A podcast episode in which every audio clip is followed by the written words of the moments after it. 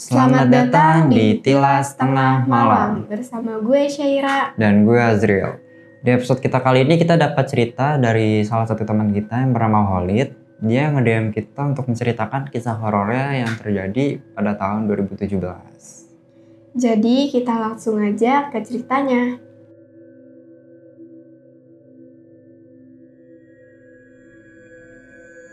Jadi mulai tahun 2017 yang notabene merupakan tahun terberat bagi keluarga gua. Ya di awal tahun doang sih kalau selebihnya mah kagak. Tapi dimulai dari bulan Februari awal.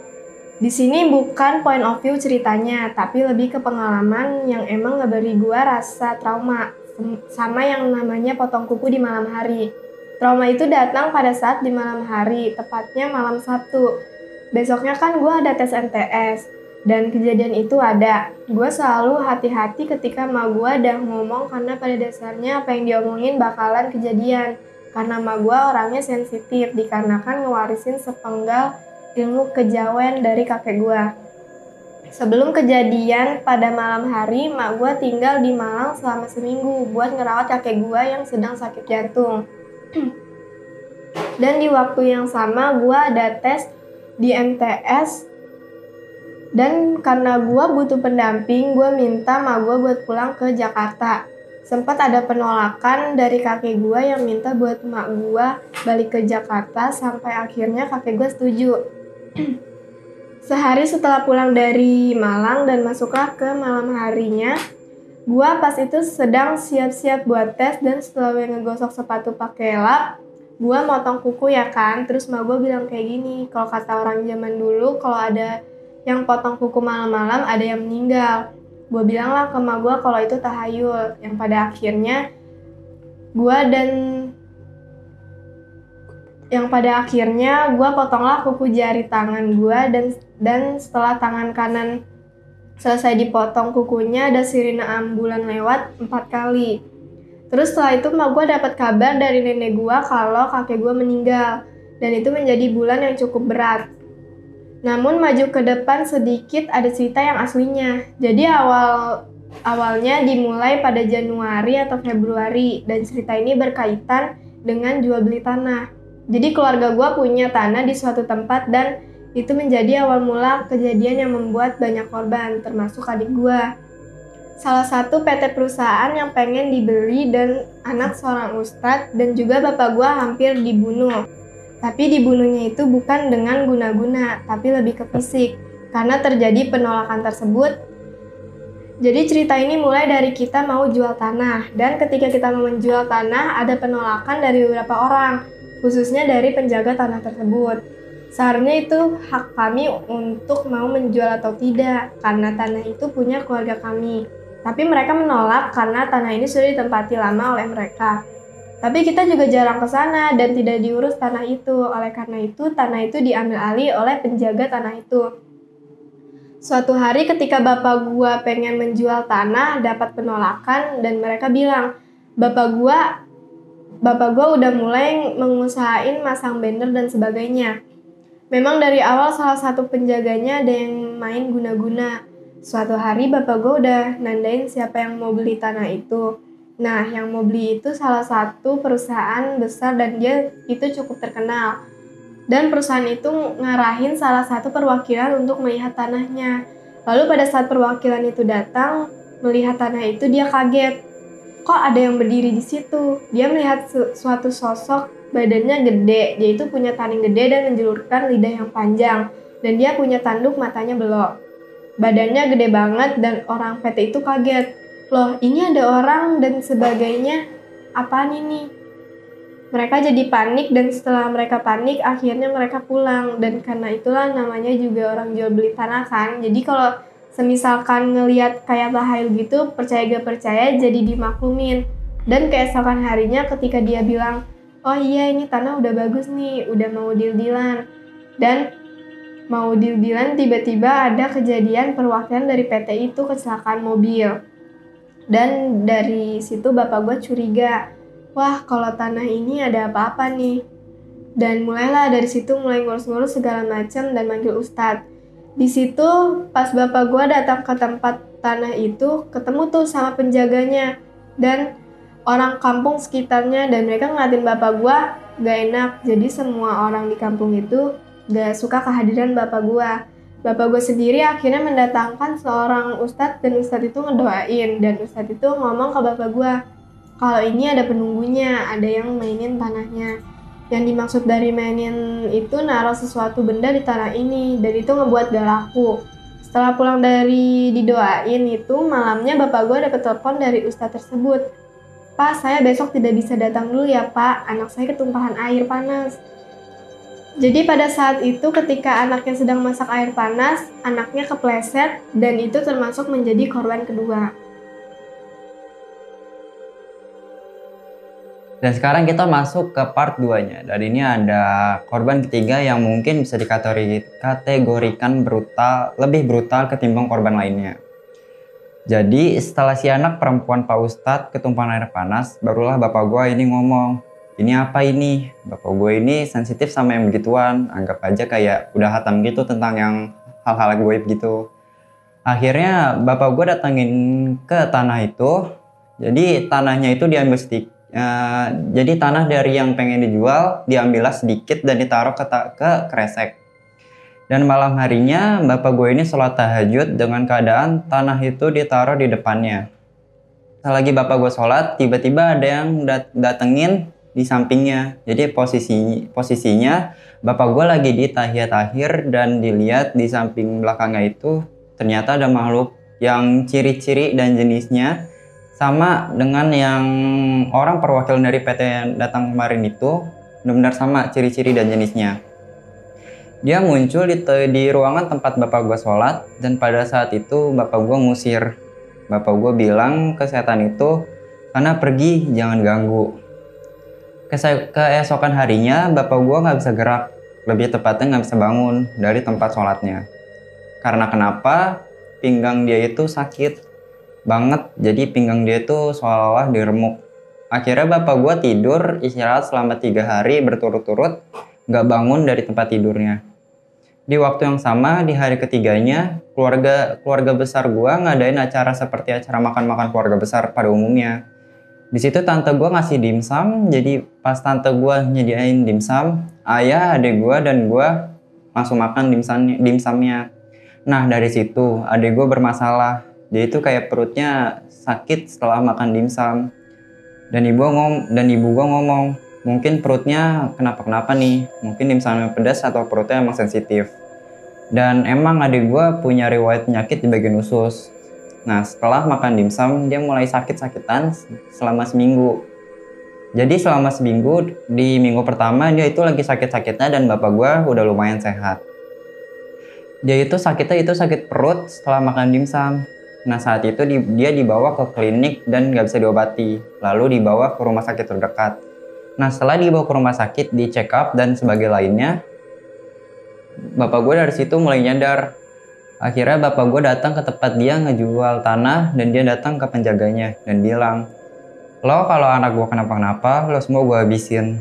Dari situ orang yang ngejaga tempat, tanahnya ngomong, jadi nggak ada yang bisa jual tanah ini. Kalau ada yang bisa jual tanah gue akuin lo, heb, lo orang hebat akhirnya bapak gue balik dari situ adik gue sakit di rumah sakit dan dia nggak bisa nggak bisa dia bisa dibilang hampir sekarat kondisi kritis jadi pas itu dia difonis ada perlengketan di bagian usus dan setelah itu dia di dan bapak gue ngeliat hasilnya dan bapak gue nyadar ini bukan perlengketan tapi seperti ada yang ganjel tapi nggak tahu ini apa.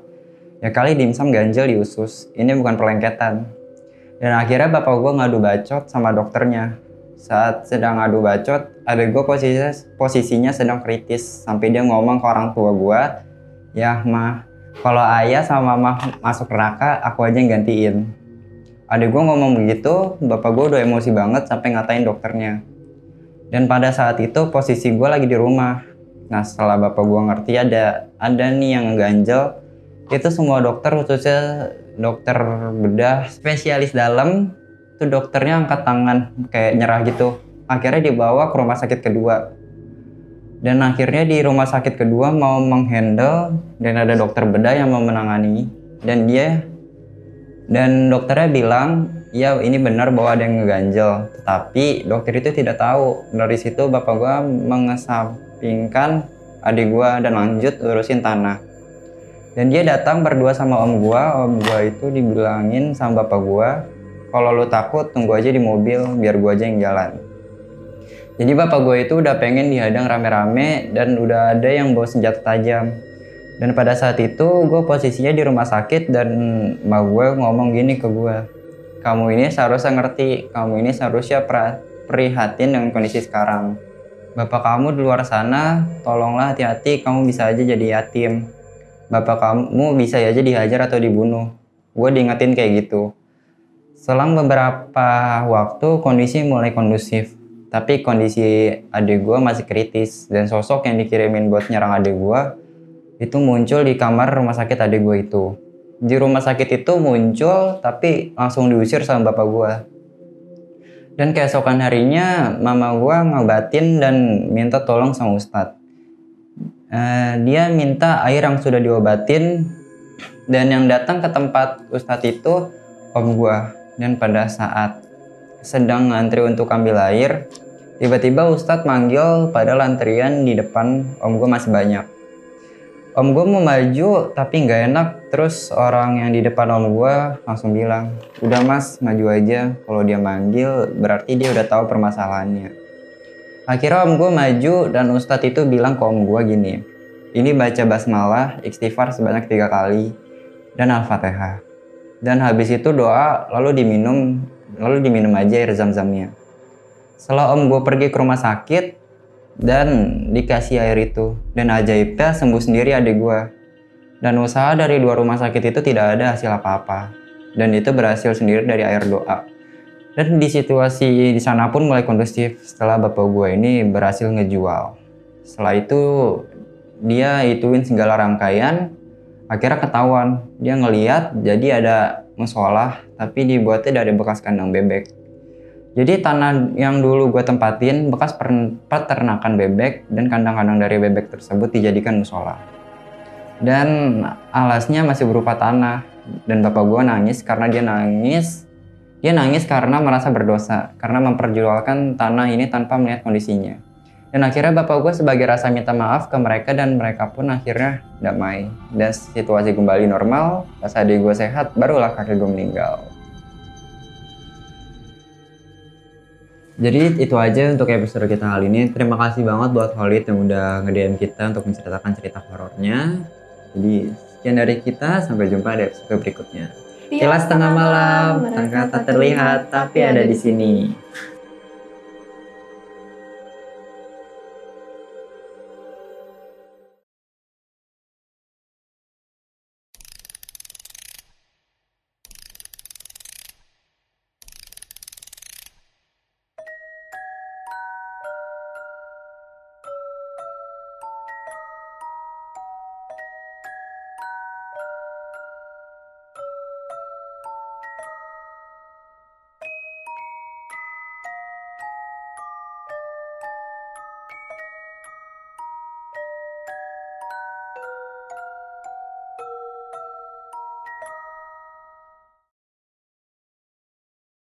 Selamat datang di Tilas Tengah Malam bersama gue Syaira dan gue Azriel. Di episode kita kali ini kita dapat cerita dari salah satu teman kita yang bernama Holid. Dia nge-DM kita untuk menceritakan kisah horornya yang terjadi pada tahun 2017. Jadi kita langsung aja ke ceritanya.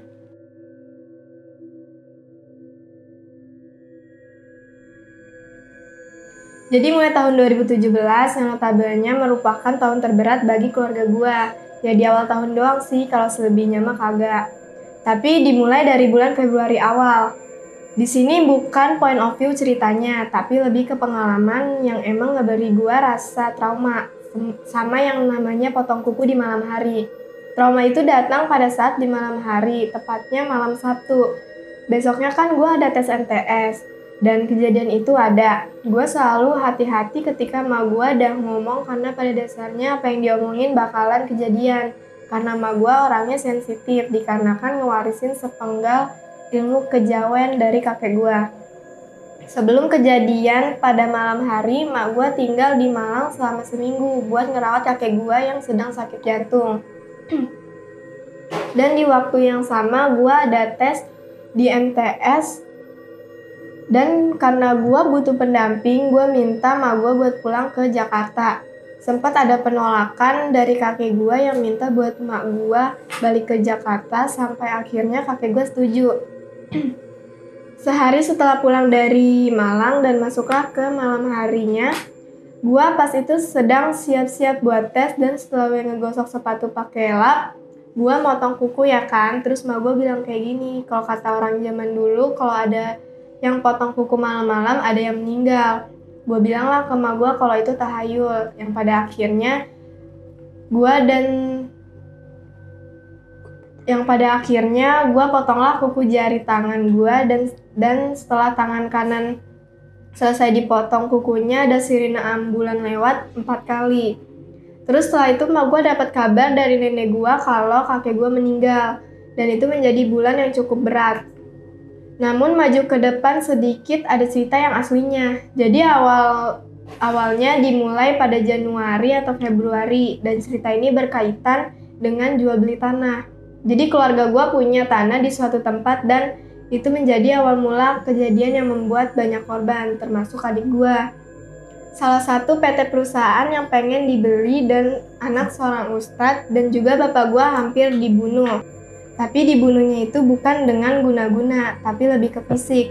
Karena terjadi penolakan tersebut, jadi cerita ini mulai dari kita mau jual tanah, dan ketika kita mau menjual tanah, ada penolakan dari beberapa orang khususnya dari penjaga tanah tersebut. Seharusnya itu hak kami untuk mau menjual atau tidak, karena tanah itu punya keluarga kami. Tapi mereka menolak karena tanah ini sudah ditempati lama oleh mereka. Tapi kita juga jarang ke sana dan tidak diurus tanah itu. Oleh karena itu, tanah itu diambil alih oleh penjaga tanah itu.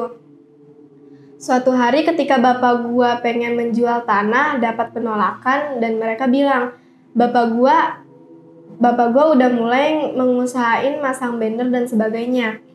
Memang dari awal salah satu penjaganya ada yang main guna-guna. Suatu hari bapak gue udah nandain siapa yang mau beli tanah itu.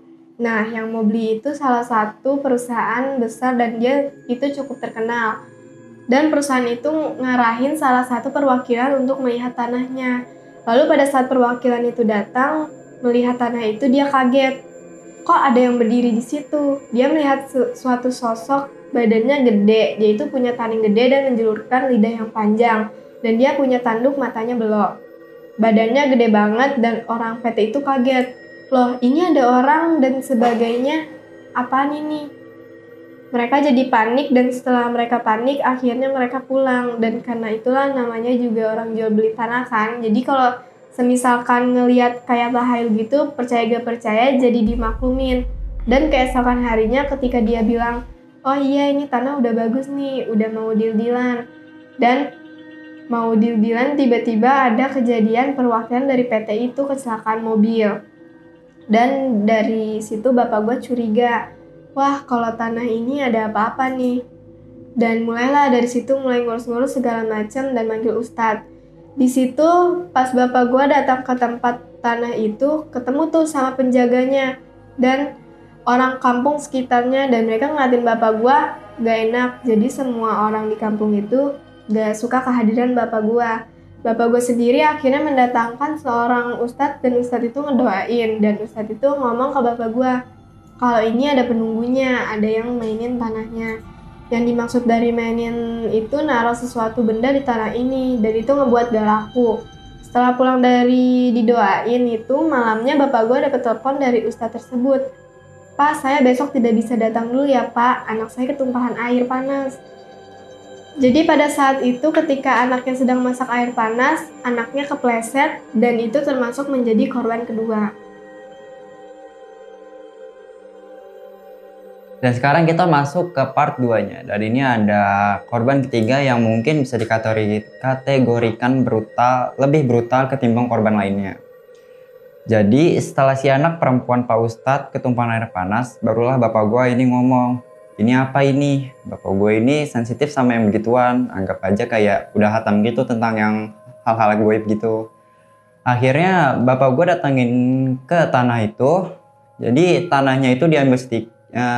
jadi tanah dari yang pengen dijual diambillah sedikit dan ditaruh ke, ke kresek. Dan malam harinya bapak gue ini sholat tahajud dengan keadaan tanah itu ditaruh di depannya. Lagi bapak gue sholat, tiba-tiba ada yang dat datengin di sampingnya. Jadi posisi posisinya bapak gue lagi di tahiyat akhir dan dilihat di samping belakangnya itu ternyata ada makhluk yang ciri-ciri dan jenisnya sama dengan yang orang perwakilan dari PT yang datang kemarin itu benar-benar sama ciri-ciri dan jenisnya. Dia muncul di, di ruangan tempat bapak gue sholat dan pada saat itu bapak gue ngusir. Bapak gue bilang ke setan itu karena pergi jangan ganggu. Keesokan harinya bapak gue nggak bisa gerak, lebih tepatnya nggak bisa bangun dari tempat sholatnya. Karena kenapa? Pinggang dia itu sakit banget, jadi pinggang dia itu seolah-olah diremuk. Akhirnya bapak gue tidur istirahat selama tiga hari berturut-turut nggak bangun dari tempat tidurnya. Di waktu yang sama, di hari ketiganya, keluarga keluarga besar gua ngadain acara seperti acara makan-makan keluarga besar pada umumnya. Di situ tante gua ngasih dimsum, jadi pas tante gua nyediain dimsum, ayah, adik gua dan gua langsung makan dimsum dimsumnya. Nah dari situ adik gua bermasalah, dia itu kayak perutnya sakit setelah makan dimsum.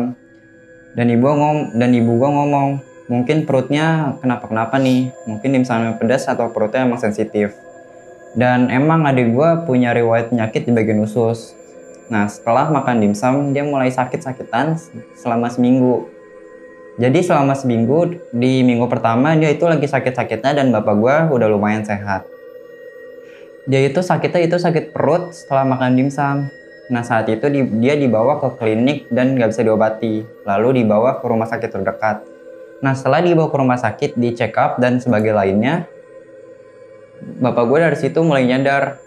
Akhirnya bapak gue datang ke tempat dia ngejual tanah dan dia datang ke penjaganya dan bilang, lo kalau anak gue kenapa-kenapa, lo semua gue habisin.